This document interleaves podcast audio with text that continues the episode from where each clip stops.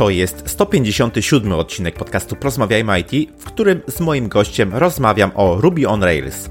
Przypominam, że w poprzednim odcinku rozmawiałem o języku Rust. Wszystkie linki oraz transkrypcję dzisiejszej rozmowy znajdziesz pod adresem porozmawiajmy.it.pl łamane na 157. Ocena lub recenzja podcastu w Twojej aplikacji jest bardzo cenna, więc nie zapomnij poświęcić na to kilka minut.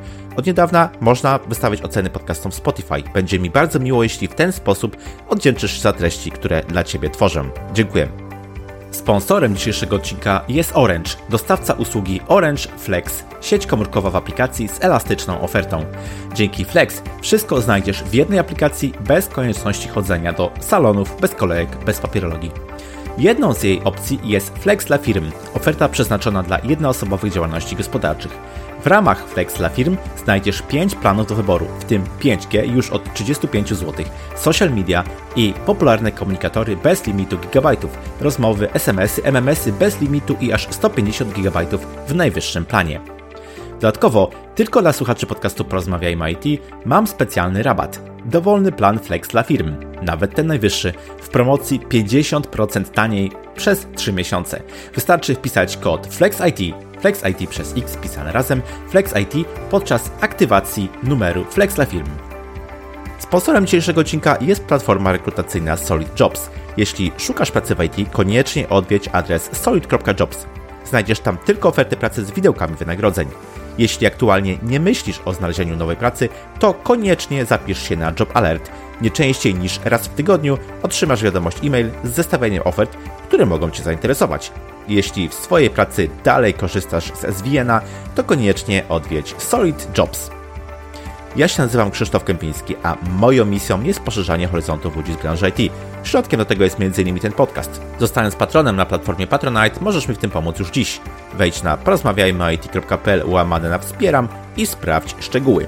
Jednocześnie bardzo dziękuję moim obecnym patronom. A teraz życzę Ci już miłego słuchania. Odpalamy! Cześć, mój dzisiejszy gość to programista z dziewięcioletnim doświadczeniem, który zwiedził wszystkie możliwe miejsca dla programistów, korporacje, startupy, software house'y i firmy produktowe. Przez trzy lata prowadził również własny software house. Wyznaje zasadę, że najlepsza technologia to taka, która rozwiąże problem w projekcie i przyniesie zysk. Dlatego też przez wszystkie lata branży korzystał z wielu różnych frameworków, języków, tworząc aplikacje webowe, mobilne i cloud. Bloguje na grubykodzi.pl, można go spotkać na meetupach, konferencjach, zakochany w Ruby i Railsach, twórca pierwszego polskiego Ruby newslettera, grubymailing.pl. Moim waszym gościem jest Rafał Piekara. Cześć Rafał, bardzo miło mi gościcie w podcaście. Cześć Krzysiek, dzięki za zaproszenie. Witajcie wszyscy. Słuchacze tego nie widzą, ale Rafał jest w pięknej czerwonej bluzie z logiem, z logiem rejsów. No i właśnie o Ruby on Race będziemy dzisiaj z Rafałem rozmawiać. Ale takie standardowe pytanie, które zawsze u mnie widnieje na początku, to czy słuchasz, Rafał, jakichś podcastów? Jeśli tak, to może masz jakieś godne polecenia? Słucham, dużo pod, podcastów słucham. E, oczywiście porozmawiajmy o IT, to jest jeden z moich Dzięki. ulubionych podcastów. Jestem regularnym słuchaczem od kilku lat. E, słucham też podcastu Mariusza Gila, Better Software Design. E, z polskich podcastów jeszcze słucham Zen Jaskiniowca i Małą Wielką Firmę. Mhm. A z zagranicznych Modern CTO i podcasty o Rubim, Ruby Rog i mhm. The Ruby on Rails podcast. To też polecam dla fanów Rubiego i Ruby on Rails. Ciekawe rzeczy. Mhm. I chyba tyle. Te podcasty jakoś ostatnio mnie dobrze wchodzą. Aha, jeszcze z polskich jeszcze y, lubię Startup My Way Bogusza Pęgarskiego. Tak, całkiem, całkiem fajna lista. Dokładnie, dokładnie. Bogusz to prawda ostatnio jakoś rzadziej, rzadziej publikuje, ale faktycznie to są takie merytoryczne, y, treściwe, y, treściwe odcinki, też, też jak najbardziej mogę polecić. Okej, okay, to powiedz Rafał, jak to twoja przygoda, jak to twoja miłość do Ruby on Rails i, i Rubiego w ogóle się zaczęła? Tutaj w tym przedstawieniu wspominałem, że z różnymi technologiami miałeś do czynienia. Co cię wobec tego w Rubim i w Ruby, Ruby on Rails urzekło? No ja w ogóle zaczynałem programować od .NETA i pisałem na początku skrypty w Visual Basicu. To jak ktoś kojarzy Visual Basica, to jest to język średnio przyjemny do pisania. E, ze względu na różne mechanizmy charakterystyczne dla niego, między innymi na pracę z kolekcjami, z pętlami. I to był taki moment, że sprawdzało mi to duże problemy, często mhm. kiedy musiałem pracować z pętlami i e, to jest taka historia w ogóle związana z tym, że nie wiem, jadłem zupę z moją żoną i moja żona gdzieś znalazła reklamę na Facebooku Railsów parę lat temu i hmm. powiedziała, ty słuchaj, ty znasz y, Railsy Rubiego? Ja mówię, że coś tam się bawiłem, ale nie znam. Ja mówię, a bo tutaj ktoś tam szkolenia szkolą z Railsów właśnie. Hmm. Ja mówię, a tam Railsy tam, co tam, nie? Ale wieczorem wziąłem i wszedłem, zobaczyłem sobie to szkolenie i poszedłem na to szkolenie, nie? I akurat hmm. tak się złożyło, że szybko szybko się udało nauczyć ze względu na to, że znałem inne technologie i co mi się spodobało w Rubim to to, że składnia Rubiego jest mega przyjemna dla programisty do pisania. No i właśnie praca z kolekcjami jest strasznie e, bardzo prosta, bardzo prosta, bardzo fajna elastyczna. Mhm. I stąd się wzięła miłość do Rubiego, no a potem jak już Rubiego, to już się kocha Railsy naturalnie. E, I to mnie urzekło, że można w nich tworzyć szybko rzeczy i realizować swoje pomysły tak w ciągu kilku godzin. Można stworzyć jakąś prototypowo działającą aplikację. Mhm. W fajny Dokładnie, sposób. No i sam język programowania też e, kilka odcinków temu um, rozmawiałem między innymi o Ruby, no i tam u podstaw samego tego języka leży takie założenie, żeby dawać przyjemność programistom, e, oczywiście z pisania, z pisania kodu, nie? I to też się udziela oczywiście w rejsach, więc e, fajnie, fajnie to działa, nie? Okej, okay, to, to może taki krótki rys historyczny, jeśli, jeśli coś, coś, coś, tam, coś tam pamiętasz, jak te rejsy się urodziły, kto je w ogóle stworzył, jak, jak ta historia historia się rozpoczęła? No, Railsy się rodziły gdzieś na początku, jak ja zaczynałem programować i to była taka było dużo szumu wokół tego. W ogóle hmm. twórcą Railsów jest taki Duńczyk David Heinemeier Hansen. Myślę, że dobrze przeczytałem, ale popularnie jest znany jako DHH. I to jest e, CTO z Basecampa i teraz e, znany z kolejnego produktu Heycom, takiego klienta mailowego. No i on właśnie budując Basecamp, takie narzędzie do zarządzania e, zadaniami, używał właśnie Rubiego, języka, który bardzo lubił i w trakcie e, tych prac wyklarował się tak jakiś framework tworzenia aplikacji webowej, no to postanowił później opublikować jako właśnie Ruby on Rails e, w jakichś pierwszych wersjach i to był chyba 2004 rok z tego, co gdzieś skojarzę z dat. No i generalnie DHH e, jest ciekawą taką osobowością w całej społeczności i był takim dobrym punktem zapalnym do tego, żeby Railsy zyskały na popularności, kiedy weszły, bo e, oprócz tego, że są elastyczne, że e, pozwalają szybko tworzyć aplikacje, tam dzieje się dużo magii, generatorów i tak dalej, korzystają bardzo mocno z zalet języka Ruby, to jeszcze DHH był takim gościem, który łamał trochę stereotyp klasycznego programisty w koszuli, w grubych okularach, to on jest uważany za przystojnego, występował w czapeczce, jest bardzo elokwentny, E, taki, jest ciekawą osobą, bardzo dobrze się go słucha, jest mocno charyzmatyczny, więc był takim, jako założyciel samego frameworka i społeczności, był takim mocnym motywatorem tego, że rejsy poszły szeroko na świat i, i miały bardzo, e, bardzo dobry odbiór, głównie w świecie startupów, nie? Bo pozwalają szybko budować rozwiązania. Mhm. To gdzieś takie początki e, właśnie frameworka e, sięgają, nie? prawie 20 lat już ma, nie? Mhm. Dokładnie, dokładnie, nie? I też mam wrażenie, że to jest taka, mm, takie koło napędzające się w powiązaniu z, z językiem, ponieważ no, Ruby mocno się e, wybił e, dzięki popularności właśnie Raysom, nawet tam w różnych tych indeksach popularności języków. No, był językiem roku, z tego co pamiętam, według, e, według TOP. To oczywiście było napędzane rozwojem Raysów, zyskiwaniem popularności um, rejsów. Ruby już istniał tam paręnaście lat, o ile mnie pamięć nie mieli, jak nie, jak nie więcej w momencie, kiedy rejsy się narodziły, więc to nie był, nie, nie był jakiś zupełnie świeżak e, na, e, na rynku, mocno, mocno się na, na rejsach gdzieś tam też, też wybił, nie? Um, no właśnie, ale to, to, co powiedziałeś jest tutaj, myślę, znaczące, że dzięki tej mm, postawie lidera, e, jakim kontrowersyjnego lidera, tak, to trzeba sobie też jasno powiedzieć, jakim jest DHH, no, rejsy miały szansę w ogóle, żeby, żeby zaistnieć, nie? żeby się przebić do, E, do świadomości. Okay, to teraz może spójrzmy nieco na techniczny aspekt rejsów, bo mm, z frameworkami zazwyczaj kojarzy nam się coś takiego, że to jest taki monolit, że to jest jedna duża biblioteka y, używana e, do, do rozszerzania, y, czy właśnie budowania na nich aplikacji. Ale no Race'y mają, składają się z różnych gemów, czyli takich małych właśnie bibliotek. Gdybyś mógł powiedzieć kilka słów na temat architektury Race'ów, jakie komponenty takie najbardziej istotne możemy w nich znaleźć? Znaczy, sama architektura Race'ów bazuje na wzorcu MVC i podstawowe rzeczy, jakie znajdziemy w nim, w tym wzorcu, to jest model view i controller. E, więc w tym klasycznym monolitowym schemacie Railsu znajdziemy widoki, czyli HTML renderowane przez, e, przez framework, kontrolery do procesowania requestów i modele, czyli takie odwzorowania obiektowe bazy danych na, na bazie ORM-a i za właśnie obsługę modeli obsługę zapytań do bazy danych w Railsach, w tych korowych Railsach odpowiada biblioteka Active Record, która jest w ogóle interpretacją tego wzorca Active Record, e, czyli każdy model w aplikacji, które mamy, mapuje się na fizyczną tabelę w bazie danych. E, I mając dostęp do modelu, mamy też dostęp do wszystkich metod związanych z transakcjami na bazie, czyli możemy zapisywać, usuwać, update'ować e, obiekty, zasoby w bazie danych. E, no to są te trzy główne, trzy główne mm, warstwy w aplikacji.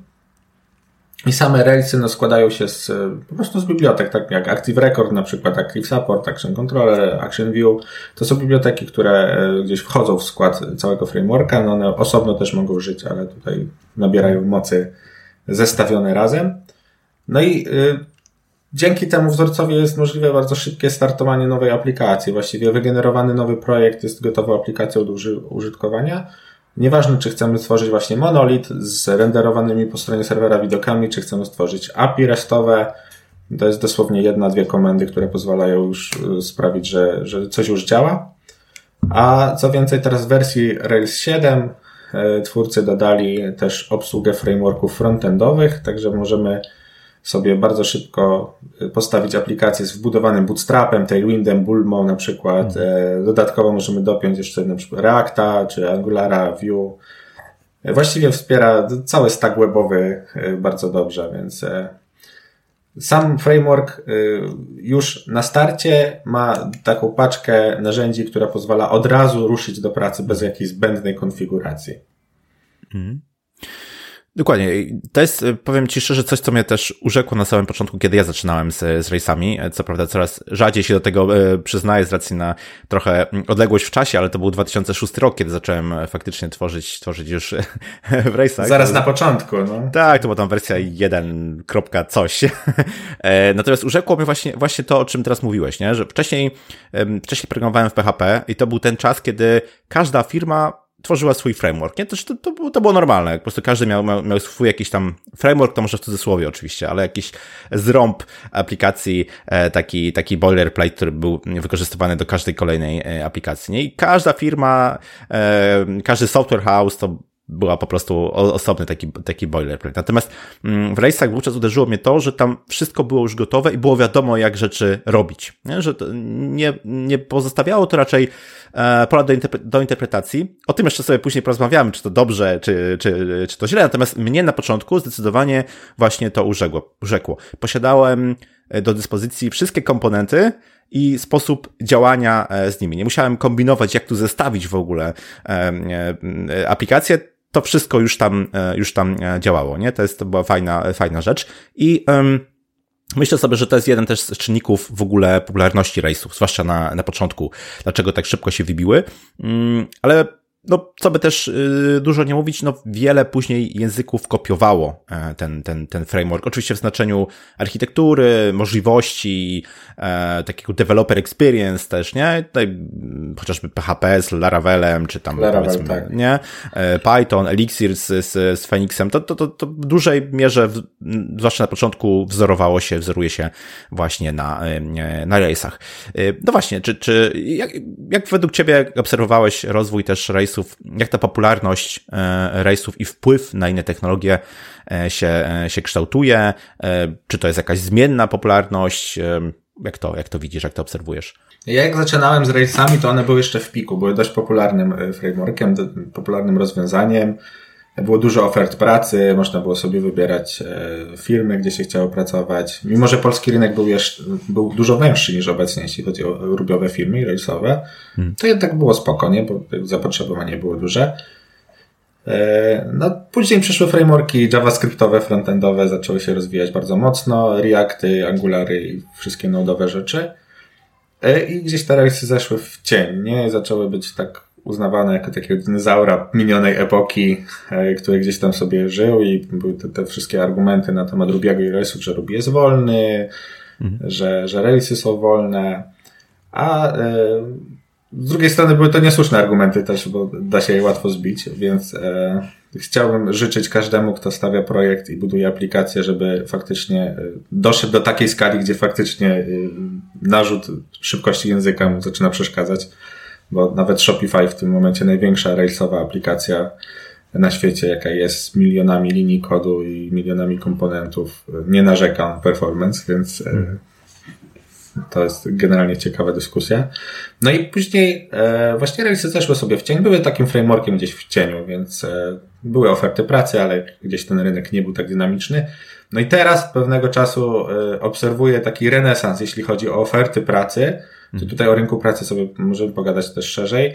I jeśli chodzi o sam framework, który odżył dzięki nowym rzeczom takim technologicznym, które zostały wprowadzone w nowej wersji, jest wielki szał. W Polsce się tego tak może nie, nie do końca widzę e, gdzieś w przestrzeni w sieci.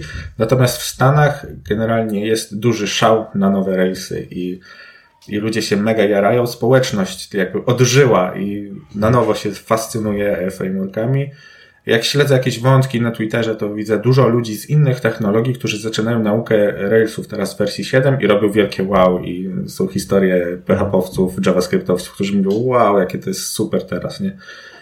E, także jest, jesteśmy świadkami takiego renesansu i to idzie w coraz lepszą stronę, bo też e, gdzieś rozmawiałem ze znajomymi ze Stanów i nie nie sprawdziłem do końca tej informacji, więc dobrze, że ją powiem teraz, to mam nadzieję, że społeczność ją sprawdzi e, skuteczniej.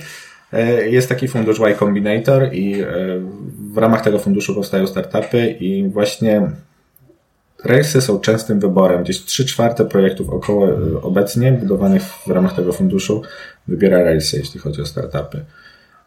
Próbowałem dotrzeć do jakichś informacji, znalazłem jakieś tam posty, artykuły, no ale tych konkretnych liczb nie mam, więc to rzucam tak po prostu do zweryfikowania, ale coś jest na rzeczy, na pewno coś jest na rzeczy. Mhm. Jasne. Ja też obserwuję to e, po ilości ofert pracy, które dostaję, bo ciągle gdzieś tam mhm. na LinkedInie widnieje u mnie e, Ruby, de, Ruby Developer, chociaż e, od kilku lat już aktywnie mm, nic w tym języku nie piszę. No i widzę faktycznie to, to, to, co powiedziałeś, że tych ofert zaczynało, zaczyna być coraz, coraz więcej. Nieco też bezpośrednio świadczy o tym, że faktycznie mm, coraz więcej firm, coraz więcej projektów wybiera tą, tą technologię. Jak jesteśmy przy tym temacie, to e, chciałbym Cię zapytać właśnie o mm, to, kto wybiera e, ten, ten, ten, ten framework, w jakich projektach e, możemy go uświadczyć.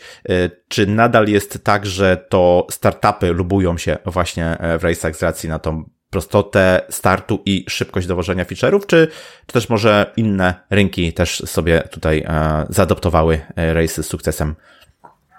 Ciągle startupy mają pierwszeństwo, jeśli chodzi o, wybór, o liczbę wyborów e, frameworka Ruby on Rails. Ze względu na to właśnie, co mówiłem już wcześniej, co, co też wspomniałeś, że jest pewna konwencja, jest, są gotowe komponenty, które pozwalają szybko tworzyć aplikacje, więc w takim momencie prototypowania e, jest to bezcenne właściwie. Ten time to market, współczynnik time to market jest dużo szybszy. E, więc to są głównie startupy, natomiast obserwuję też e, większe firmy, które rozpoczynają nowe projekty w Ruby on Rails lub na przykład transformują stare projekty do e, projektów w Railsach. Sam pracowałem też w projektach, które były przenoszone z PHP na przykład, nie na Railsy.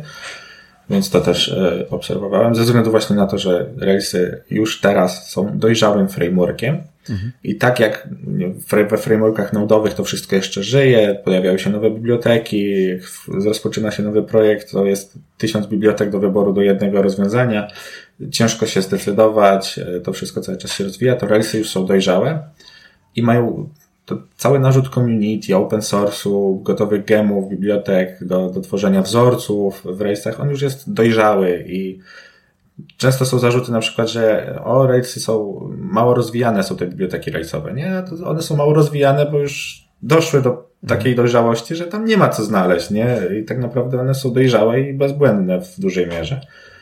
E, więc startupy bardzo często sięgają po, e, po Railsy i sięgają po nie e, firmy produktowe, generalnie SASy, bo jest dużo gotowców, dużo gotowych e, zestawów do tworzenia aplikacji. Na przykład ze Stanów jest taki projekt Jumpstart, który pozwala wygenerować gotową aplikację, która ma od razu panel administratora, multitenant, organizację, płatności, wszystko już jest gotowe właściwie do, do, do wdrożenia i do dalszego rozwoju, więc hmm. to jest dalej pierwszy wybór.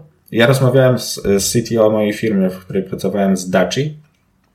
To jest taka firma, która jest obecnie wyceniona na 4,5 miliarda dolarów. Ona w ciągu 5 lat się rozwinęła e, i to jest e-commerce dla kanabioidów. E, ma bardzo duży ruch, no i właśnie była taka dyskusja u nas na, na czacie na temat Rails, aplikacji, technologii. E, rozmawialiśmy o Node, o Elixirze i padło takie pytanie, że gdyby dziś przy tej skali startował nowy projekt, jeszcze raz ten projekt, to jaką technologię wybrał i on właśnie powiedział, że tylko Railsy, bo nic innego tak szybko nie daje wartości. Mhm. Więc jeśli ktoś najczęściej wybiera, to głównie startupy, ale duże firmy też sięgają po Railsy. Można je znaleźć też w korporacjach, gdzie, gdzie są stosowane do, do, do zewnętrznych jakichś projektów, czy wewnętrznych do zarządzania wewnątrz, nie? I to też będziemy widzieć na rynku pracy, bo rynek pracy w Railsach e, już się rozwinął e, w tę stronę, że sam framework ma 18 lat. Na początku startowały e, z Railsami startupy. Kto, startupy mają to do siebie, że większość upada, ale te, które nie upadły, rozwinęły się już teraz do rangi dużych firm. Mhm. I dalej są z Railsami, nie? I jak się patrzymy na oferty pracy, które można zobaczyć, to dużo jest ofert pracy w firmach produktowych, takich, które już wyszły ze software house'ów i budują swoje zespoły wewnątrz, nie? Mhm.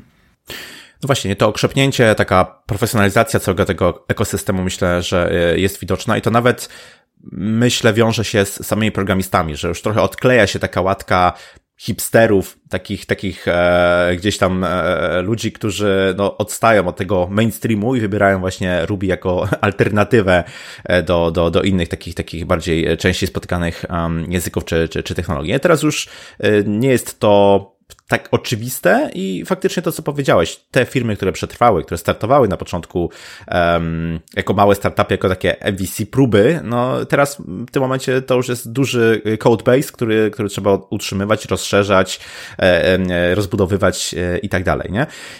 A z drugiej strony właśnie to bogactwo bibliotek i rozwiązań w ekosystemie. Myślę, że to jest ważne dla każdej technologii, bo już no, to nie tylko sam język jako taki E, świadczy o tym, czy technologia się przebije do mainstreamu, czy nie, ale cała ta, cała ta e, otoczka, nie? Bo nikt nie istnieje w próżni. E, nawet jak sobie zaczniesz tworzyć jakiś mały projekt, no to potrzebujesz tam czegoś, nie wiem, do autentykacji, e, czegoś do, do, do, do podstawowych operacji. No i nie będziesz tego pisał oczywiście od, od zera, nie? Raczej będziesz, będziesz szukał. W Race'ach można, śmiem twierdzić, znaleźć już tam w ogóle w Rubim, może szerzej, e, bibliotekę praktycznie do, do wszystkiego, nie? To już, to już jest, jest, jest pokryte w, w znaczącej, w znaczącej e, części. Um, Okej. Okay. No właśnie, to teraz wspomniałem wcześniej o tym, że mnie na przykład urzekło to, że w, w rejsach wszystko jest w miarę ustalone. Wiadomo, jaka jest struktura katalogów, w jaki sposób y, tworzyć chociażby generatorami jakieś scaffoldy, modele e, i tak dalej, w jaki sposób postępować, gdzie pakować logikę i tak dalej, i tak dalej.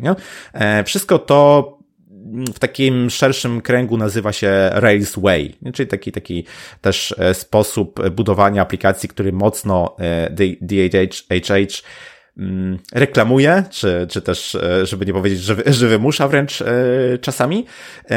No właśnie, i to jest może fajne na początku, kiedy nie musisz się zastanawiać, jak to wszystko połączyć, ale pytanie, co z większymi aplikacjami, które już często wymykają się z takiego planu początkowego, które rozszerzają się w różnych dziwnych e, kierunkach. Czy tutaj to podejście nadal się sprawdza w Twoim doświadczeniu? Znaczy jest dokładnie tak, jak powiedziałeś, że, że jest Raceway, który od razu daje nam gotowy zestaw zasad do tworzenia aplikacji i ten początek faktycznie jest spoko, nie? bo wiemy, gdzie wszystko upakować i korzystamy też z tej zasady Railsowej konwencja nad konfiguracją, że Railsy bazują na tym, że odpowiednie nazewnictwo klas i plików robi taką magię, że Railsy wiedzą, jeśli mamy model post i kontroler post controller, to on wie, że ma widoków szukać sobie w katalogu views i post i to on sobie wszystko znajdzie tak jak trzeba. I na początku to wygląda dobrze, natomiast e, wszystko rozbija się, myślę, o dojrzałość deweloperów i świadomość biznesu na temat długu technologicznego, który może rosnąć, bo Railsway sam w sobie jest elastyczny i wygodny, natomiast może prowadzić do dużych do wielu antywzorców. Zresztą jak w każdej technologii można mm. znaleźć y, furtki do antywzorców. I takim głównym antywzorcem jest właśnie duży coupling e, w aplikacjach, ze względu na to, że mamy ten domyślny podział architektury Railsowej nie jest domenowy, ale jest funkcjonalny i warstwowy, więc będziemy mieć rzeczy dotyczące jednej warstwy, jednej domeny, jednego kontekstu w aplikacji. Będziemy szukać w kilku lub kilkunastu różnych katalogach. Nie, nie będziemy mogli znaleźć ich w jednym miejscu. I to może być problem, więc e, początek spoko wygląda, jeśli chodzi o tworzenie w Railswayu, chociaż inne firmy też mówią o tym głośno, na przykład Basecamp, sam widziałeś, tak jak powiedziałeś, mówi o tym głośno, że Railsway jest good enough też do dużych projektów, że to się ogarnia. Więc pewnie to się rozbija wszystko, dojrzałość deweloperów, świadomość, e, skill, e, znajomość architektury i samego frameworka. Ale też przy rozwoju większych aplikacji rodzą się problemy w związku z couplingiem, w związku właśnie z przywiązaniem do Active Recorda, który też ma, no, jakby sam wzorzec ma pewne zalety, ale ma też wady takie, że wszędzie w aplikacji mamy dostęp do właściwie możemy zmieniać bazę danych w każdym miejscu. Mhm. To też jest, może być problematyczne i odpowiedzią na to wydaje się być na przykład Domain Driven Design, który jest też promowany przez polską firmę e, Arkansas, przez Andrzeja Krzywdę i to jest mhm. taki drugi głos chyba w społeczności railsowej. Mi się wydaje, że, że o ile pierwszym głosem jest właśnie Railsway, DHA, tutaj ten core team, to Arkansas ma bardzo mocny głos już na świecie, teraz z rozpoznawalną marką i fajnie, że polska firma ma duży wkład w społeczność.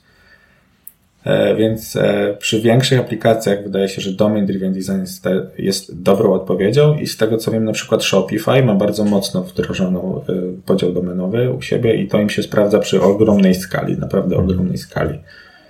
Więc myślę, że to jest naturalne przejście z Racewaya na bardziej zaawansowaną architekturę jest naturalnym procesem w developmencie aplikacji. To samo obserwujemy też w innych frameworkach. Tutaj nie ma czegoś nadzwyczajnego. Kwestia dojrzałości, planowania i architektury y, w zespole y, wpływa na to, czy są problemy, czy nie ma przy skalowaniu. Jasne. Y, ok, chciałbym Cię zapytać chwilę o początki, początki branży, bo jakoś tak się utarło, że no Python czy tam JavaScript są sugerowane jako takie pierwsze języki. W sensie, jeśli ktoś chce wejść do, do IT, chce zostać programistą, to zazwyczaj y, znajdzie gdzieś tam w sieci kursy, gdzie, gdzie właśnie z tymi językami będzie miał y, do czynienia. Jak to jest z Ruby, jak to jest z Ruby on Rails? Czy, czy tutaj ten próg wejścia jest również na tyle nisko, że można to zarekomendować jako taką pierwszą technologię w ogóle do rozpoczęcia um, programowania? Jak ty, jak ty byś to widział? Jeśli próg wejścia Rubiego i Pythona jest podobny, ja bym nawet zaryzykował, że Ruby jest dużo łatwiejszy niż Python, ze względu na składnie. To, co mnie urzekło na początku w Ruby, to jest to, że Ruby ma takie tak zwane bank methods, czyli taką metodę z wykrzyknikiem na końcu, albo nie pamiętam nazwy, ale takie metody, które zwracają bulina i one mają pytajnik na końcu. Mhm. I możemy y, tworzyć sobie kod, który czyta się jak język angielski tak naprawdę, jak specyfikację. I dla osoby, która jest z zewnątrz, wchodzi do świata IT, i zderza się na przykład, nie wiem, z PHP, z JavaScriptem, z Javą i tam ma te nawiasy, średniki, jakieś bardziej złożone pętle, tak wchodzi do Rubiego i czyta sobie po prostu zdania po angielsku. Mamy task update, task create, name, coś tam, if, coś tam, pytajnik, if task exist i jest pytajnik na końcu i czytam to jak zdanie, to dużo łatwiej mi jest zrozumieć pewne koncepty, nie? Więc e, Ruby jest, Ruby jest świetnym językiem na start, e, na wejście i pozwala szybko wejść i poznać pierwsze koncepty. Natomiast tutaj ja zawsze polecam, żeby równolegle z Rubim e, uczyć się lub zapoznać się przynajmniej powierzchownie z jakimś językiem silnie typowanym typu Java, mhm. żeby zrozumieć, jak to działa pod spodem, bo Ruby jest odciążony, jest dynamicznie typowanym językiem, jest interpretowany, e, jest bardzo obiektowy, natomiast brakuje kilku elementów takich, które są na przykład w Javie a które pozwalają zrozumieć też to, co się dzieje w Ruby. Na przykład mi było łatwo wejść do Rubiego, bo wszedłem z .NETA, który jest e, silnie typowany, jest mocno obiektowy, są interfejsy, abstrakcyjne klasy i te wszystkie takie struktury. I wchodząc do Rubiego widziałem, że o kurczę, nie muszę już robić tych rzeczy, więc jak Ruby mi się jawił jako taka fajna opcja, lekka, przyjemna, która ma te rzeczy poukrywane i odciąża mnie od tego, co, od tej całej odpowiedzialności ogarniania innych spraw, właśnie związanych z interfejsami typowaniem. E, natomiast sam język dla kogoś, kto wchodzi bezpośrednio, jest prosty do przyswojenia, więc próg wejścia jest naprawdę, naprawdę przyjemny. I myślę, że jest nawet lepszy niż w JavaScriptie. Mimo, że JavaScript tak naprawdę, e, żeby pisać JavaScript, tak naprawdę wystarczy tylko przeglądarka. Tutaj trzeba troszkę skonfigurować środowisko, no ale jak się już zainstaluje Rubiego, Chociaż teraz chyba nawet na Linuxie Ruby jest zainstalowany by default. Mhm. Bo na Macu na pewno. Jeśli ktoś ma MacBooki, to tak. od razu ma Rubiego i może zacząć pisać skrypty pierwsze. Jasne. Okej, okay, no to jeszcze może o, o samej, samej nauce słów kilka. Co ty byś doradzał? Najpierw w miarę opanować e, język Ruby, później dopiero z jego pomocą zacząć tworzyć cokolwiek w Race'ach, czy może połączyć te dwie drogi, e, próbować jednocześnie opanowywać Rubiego i tworzyć sobie jakieś tam strony, serwisy, API e, w Race'ach? Ja bym doradzał zaczęcie najpierw od Rubiego. Zapoznanie się z samym językiem to przerobienie jakiegoś prostego kursu z internetu, na przykład na Code Academy, to jest nie, tydzień na przykład, żeby poznać koncepty. Mhm. I wtedy można wejść do Railsu, bo jeśli wejdziemy do samego frameworka od razu, to dużo rzeczy będzie dla nas niejasnych, będą niezrozumiałe pewne zabiegi, a Railsy jako sam framework narzucają trochę od specyficzny dialekt Rubiego i są mhm. głosy w społeczności, że ten Ruby w Railsach to jest trochę tak jak jest dyskusja, że Java w Androidzie to nie jest ta Java, która tam jest w Springu, więc tu jest trochę tak, że ten Ruby w Railsach jest e, taki specyficznie używany e, w odróżnieniu od tego, jak się pisze same skrypty w Rubim. Mhm. No ale warto zrozumieć przynajmniej jak działa język, warto zrozumieć te elementy takie specyficzne dla języka, jak na przykład bloki. To jest mhm. rzecz, która jest no, na co dzień używana e, w samym Rubim. I trzeba się też zapoznać, przynajmniej na jakimś podstawowym poziomie, o co chodzi z metaprogrammingiem. w Rubim, bo Railsy bardzo, bardzo bazują na metaprogrammingu i cała ta magia, o której się mówi w Railsach, że pisze jedno, jedno, jeden obiekt i tam się dzieje wszystko pod spodem, no to właśnie bazuje na tym, że Railsy potrafią się domyślić, o co tak, tak. chodzi. E, więc najpierw Ruby, potem Railsy, no i Później just-in-time learning w trakcie nauki e, frameworka, w trakcie tworzenia jakiegoś swojego projektu, douczać się, do, doczytywać e, nowe rzeczy, które są niezrozumiałe. Mhm. Jasne. Metaprogramming, czyli można powiedzieć kod, który pisze inny, e, inny kod, tak, który tworzy dynamiczny, dynamiczny kod. To z jednej strony jest spora zaleta, E, Rubiego, czy no, Race'ów, e, które mocno z, też z tego mechanizmu korzystają, e, ale oczywiście wszystko, co w przesycie, to, to szkodzi, nie? I pewnie zgodzisz się ze mną, że jeśli jest tam za dużo tej magii, no to zwłaszcza debugowanie może, może być problematyczne, nie? Dokładnie. Mhm. Okay, wspomnieliśmy chwilę o rynku pracy. E, myślę, że, że warto też e, powiedzieć parę słów, jak ten rynek obecnie wygląda w Polsce, e, na świecie. Nie wiem, może dysponujesz jakąś informacją, jak na przykład wynagrodzenie się ma do, do innych, powiedzmy, języków, do czego tutaj można aspirować. Jeśli chodzi o rynek pracy w Polsce, to jest teraz obecnie mamy masę firm rubiowych, które rekrutują i są to software house czy firmy produktowe.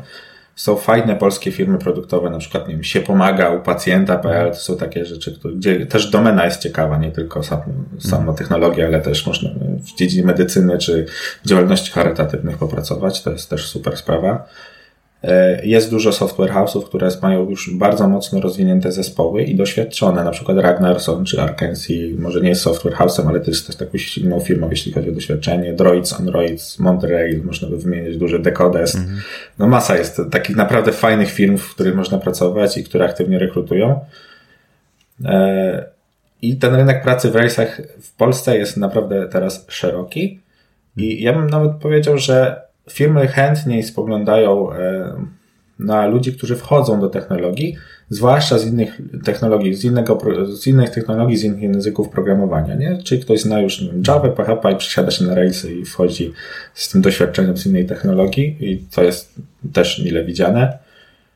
Jeśli chodzi o stawki, no to te stawki w porównaniu z innymi technologiami są naprawdę atrakcyjne teraz, jak się tak patrzy. Głównie ze względu na to, o czym mówiłem wcześniej, że e, te startupy się rozwinęły, czy startupy amerykańskie, czy po prostu startupy z zachodu, rozwinęły się i operują na trochę innych stawkach niż w Polsce, e, niż polskie firmy i one budują teraz swoje zespoły, a pandemia i sam COVID przyspieszyły nam offline, więc e, jest łatwość teraz dostania pracy w firmie bezpośrednio e, z innego kraju, która oferuje dużo wyższe stawki niż w Polsce. I te stawki są naprawdę atrakcyjne. Można sobie wejść na Chain IT posegregować. Ja patrzyłem nawet wczoraj tak z ciekawości, jak to wygląda i jest naprawdę duże wow.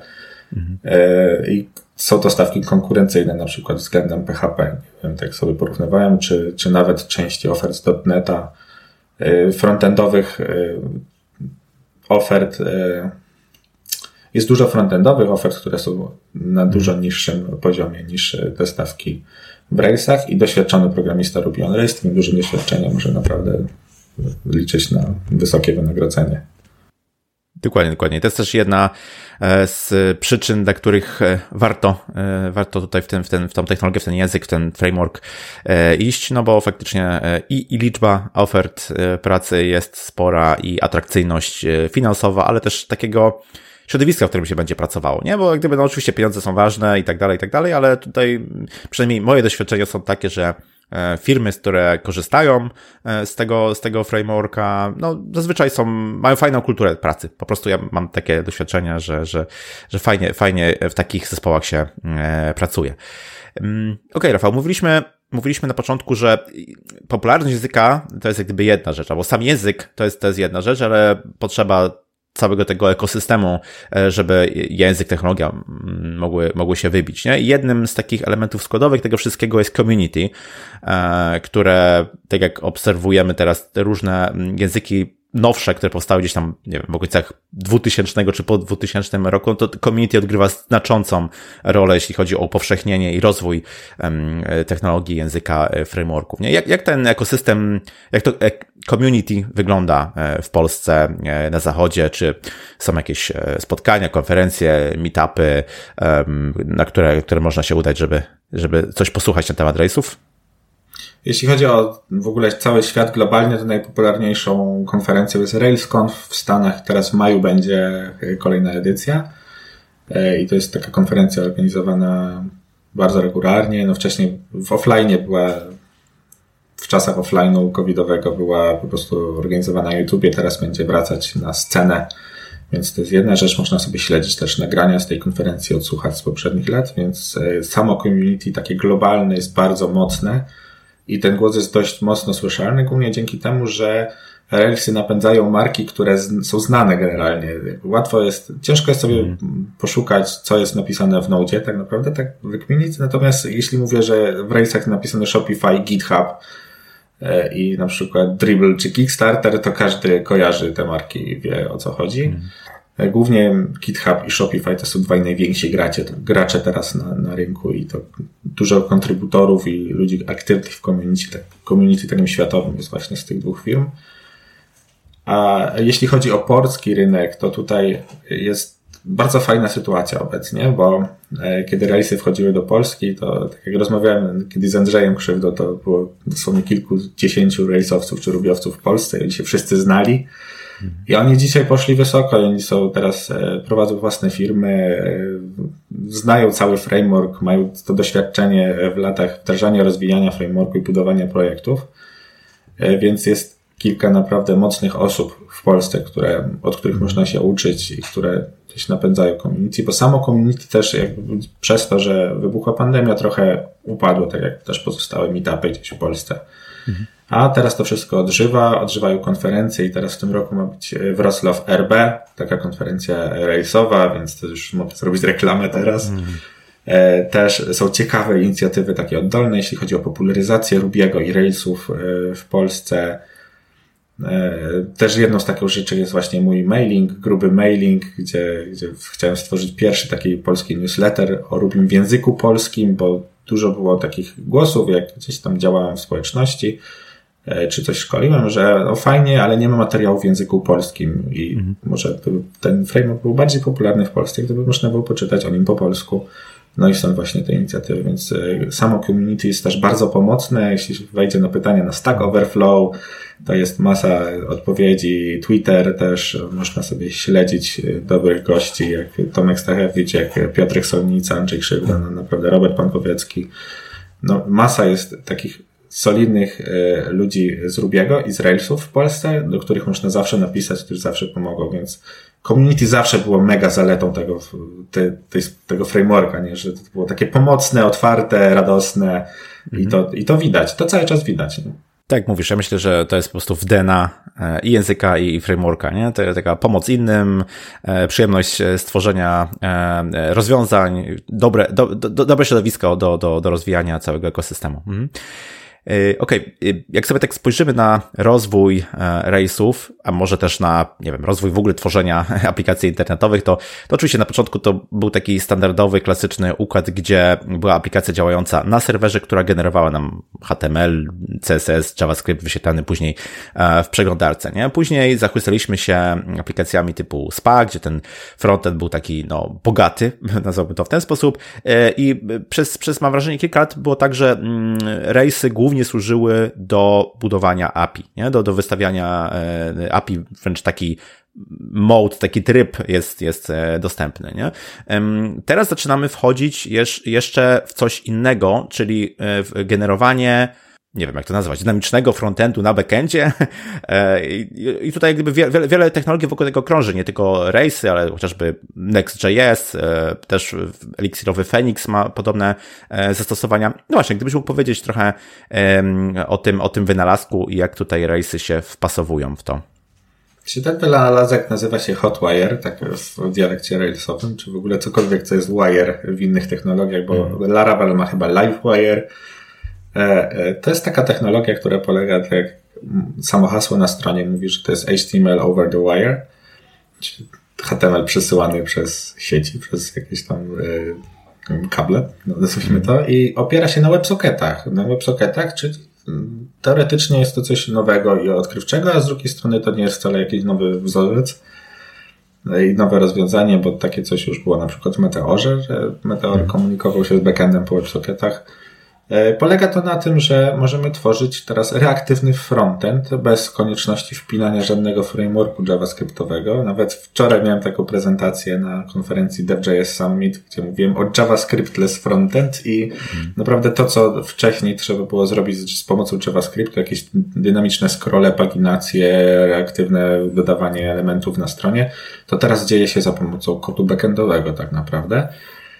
I e, Railsy w nowej odsłonie wersji 7 są teraz SPA First, dzięki właśnie mechanizmowi Hotwire i Turbo, który pozwala za pomocą dosłownie kilku jakichś tam konfiguracji e, przesyłać dynamiczny HTML z backendu i frontend, właśnie ten mechanizm Hotwire wie już, gdzie sobie podmienić te wszystkie te elementy. Więc e, wcześniej mieliśmy ten monolit i teraz z powrotem wracamy do monolitów railsowych i no, na ten moment ja teraz rozwijam jeden projekt taki startupowy, jest już w takiej dość nie wiem, zaawansowanej fazie, można powiedzieć. I praktycznie nie ma tam JavaScriptu, nie? I nie mieliśmy ani przez moment potrzeby wpięcia e, kodu Reacta i tak jeszcze dodam, że przenieśliśmy właśnie widoki, które były w Reakcie do, do Railsów i wykasowaliśmy masę kodu, który był dodatkowo narzucony. Mhm. I e, właśnie są takie spa first, nie? Dzięki temu mechanizmowi, że mamy ten spa experience, takie doświadczenie, że to jest single page application, bo bez przeładowania strony możemy edytować jakieś elementy, elementy na stronie, nie? Mhm. I są już oferty pracy na full stack deweloperów, bo Railsy generalnie jako framework zawsze były takim frameworkiem full stacków generalnie mhm. były od, o, interpretowane, potem się to trochę zmieniło, a teraz z powrotem e, tak się dzieje, bo za takim cechą backend deweloperów jest to, że nie chcą dotykać frontu i JavaScriptu, mhm. a tutaj jest okazja tworzyć frontendy za pomocą tak naprawdę Rubiego tylko nie? reaktywny frontend. Jest jeszcze taka biblioteka, którą dodam, e, stworzona przez GitHuba, nazywa się View Component, który pozwala tworzyć mhm. komponenty w Rubim, które są czymś tym samym, czym są komponenty na przykład w Reakcie. I to wszystko się dzieje na poziomie jednego języka. I one są unit testowane w Rubim i renderowane do widoków. I e, ja jestem zakochany w tym rozwiązaniu, mimo że jestem też reaktowcem i dużo pisałem w Reakcie i, i naprawdę jest taki renesans, jest y, experience spa w nowych rejsach i to warto się temu przyjrzeć, w którą stronę to będzie szło, bo będzie szło naprawdę, naprawdę w ciekawym kierunku. Hmm.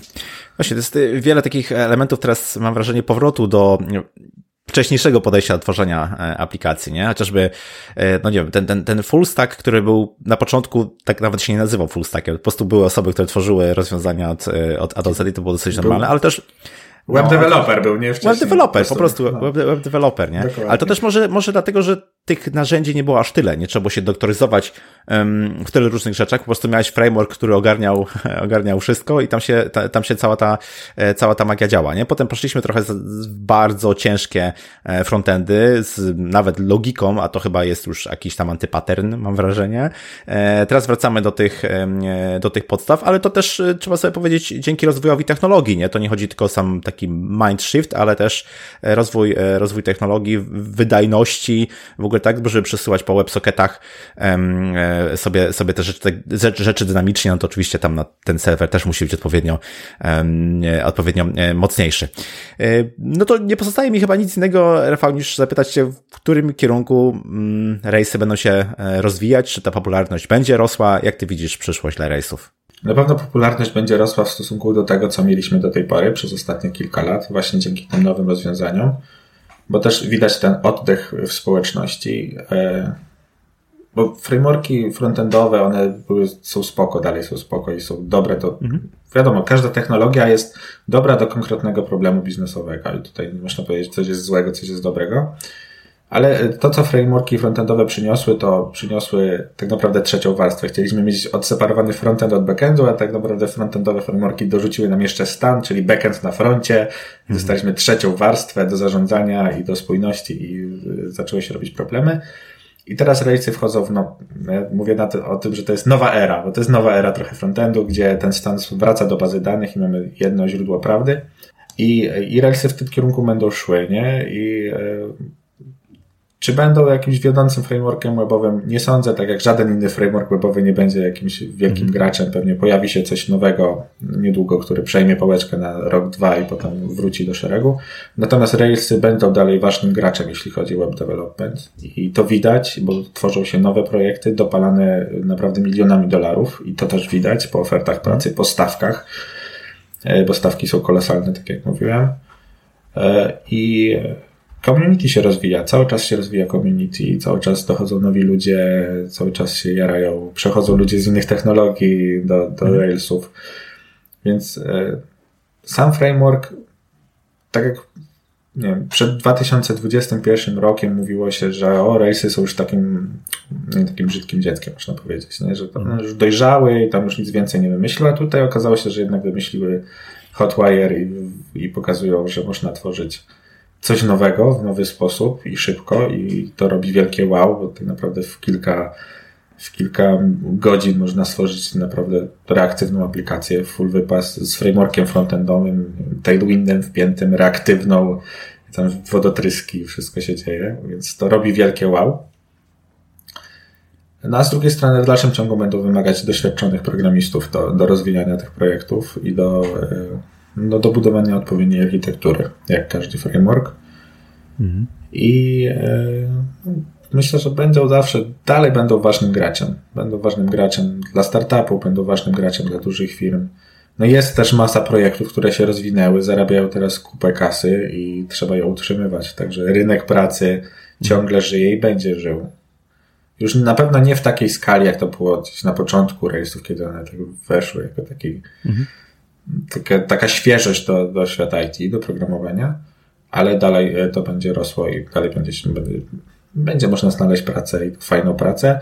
I tu jeszcze taką fajną zaletą Railsów jest to, że ja przynajmniej mam takie doświadczenie i też tak znajomi, z którym, których kojarzę gdzieś ze świata, to Railsy dają możliwość pracy w fajnych projektach. Jakoś tak się składa, że akurat aplikacje w Railsach dotyczą ciekawych domen biznesowych. Nie, czy to jest medycyna, czy sprzedaż biletów, są takie ciekawe rzeczy różne, nie wiem, tak na przykład ja pracowałem przy e-commerce dla, dla kanabioidów, jakieś self care, help, takie helpingowe aplikacje, ala mhm. OLX na przykład. No tych domen jest dużo i są bardzo ciekawe. Więc e, no to, to zawsze ciekawy kierunek i e, ja wierzę w Railsy i wierzę, że prawdziwa era Rubiego i Railsów dopiero nadchodzi i ja się też chcę do tego przyczynić dzięki swoim projektom mam nadzieję, że, że się spotkamy jeszcze za rok czy za dwa i zobaczymy prężnie działające community w Polsce. Oczywiście wszystkie projekty będą podlinkowane w notatce do odcinka. E, Rafał Piekara był moim gościem. Rozmawialiśmy o frameworku Ruby on Rails. Rafał, bardzo Ci dziękuję za poświęcony czas, za rozmowę. Dziękuję bardzo, Krzysiek. Bardzo miło się rozmawiało. Cieszę się bardzo, to powiedz jeszcze, e, gdzie Cię można znaleźć e, w sieci, gdzie tutaj odesłać słuchaczy, żeby mogli się więcej dowiedzieć na temat języka i frameworka. Można mnie znaleźć właściwie na wszystkich możliwych socialach, czy to jest LinkedIn, czy Twitter, czy Facebook. Na Instagramie jestem bardziej dostępny, więc mój profil Rafał Piekara na Instagramie można znaleźć. Tam też dużo jest o Railsach i o Rubim, ale też e, mam takie własne projekty, dzięki którym gdzieś kontrybuję do społeczności i tym głównym projektem jest gruby mailing. Tam jest Ruby, w, gruby dlatego, że Ruby i dlatego, że jestem gruby. I to jest taka gra słów i w ogóle. I to jest e, mailing polski o Rubim, więc zachęcam, bo teraz akurat maj jest takim miesiącem, gdzie dużo się będzie działo w ramach tego mailingu. E, będą też darmowe rzeczy, darmowe materiały, darmowe szkolenia, więc tu można wejść. Jeśli ktoś chce się bliżej zapoznać z rejsami i z frameworkiem, to, to jest dobry moment akurat, bo teraz się będzie działo. E, prowadzę także bloga Gruby Kodzi, więc wszystko co z hasłem gruby to można sobie googlać i bardzo możliwe, że się mnie tam znajdzie. No i co, jeszcze mam jeden newsletter techniczny PM dla e, project managerów, ale on już jest mniej o Rubim, a bardziej o takich technikaliach i komunikacji między biznesem a programistami. No i tak, także tych miejsc jest dość sporo, występuję też na konferencjach i meetupach, także jest spora szansa, że jak będziecie szukać po haśle Ruby i gruby i Railsy w Polsce, to gdzieś na mnie wpadniecie, nawet niechcący. Dokładnie, dokładnie tak. Zapraszam do linków w notatce do odcinka, tam postaram się podlinkować wszystkie e, te rzeczy, o których Rafał wspomniał. Jeszcze raz, Rafał, bardzo Ci dziękuję za poświęcony czas i do usłyszenia. Cześć. Dzięki wielkie, cześć. I to na tyle z tego, co przygotowałem dla Ciebie na dzisiaj. Osobiście z projektami opartymi o Ruby on Rails pracowałem ponad 10 lat. Sam framework, jak i community wspominam bardzo dobrze. Coś, co mnie zawsze urzekało w tej technologii, to stosunkowa łatwość i szybkość tworzenia rzeczy, co jest nie tylko ważne dla biznesu, ale i dla satysfakcji programisty z rychłego oglądania efektu swojej pracy. Jeśli ten odcinek był dla Ciebie interesujący i przydatny, Odciąć się proszę recenzją, oceną lub komentarzem w social mediach. Jeśli masz jakieś pytania, pisz śmiało na krzysztofmałpa.porozmawiajmy Zapraszam też do moich mediów społecznościowych. Ja się nazywam Krzysztof Kępiński, a to był odcinek podcastu Porozmawiajmy IT o Ruby on Rails. Zapraszam do kolejnego odcinka już wkrótce. Cześć!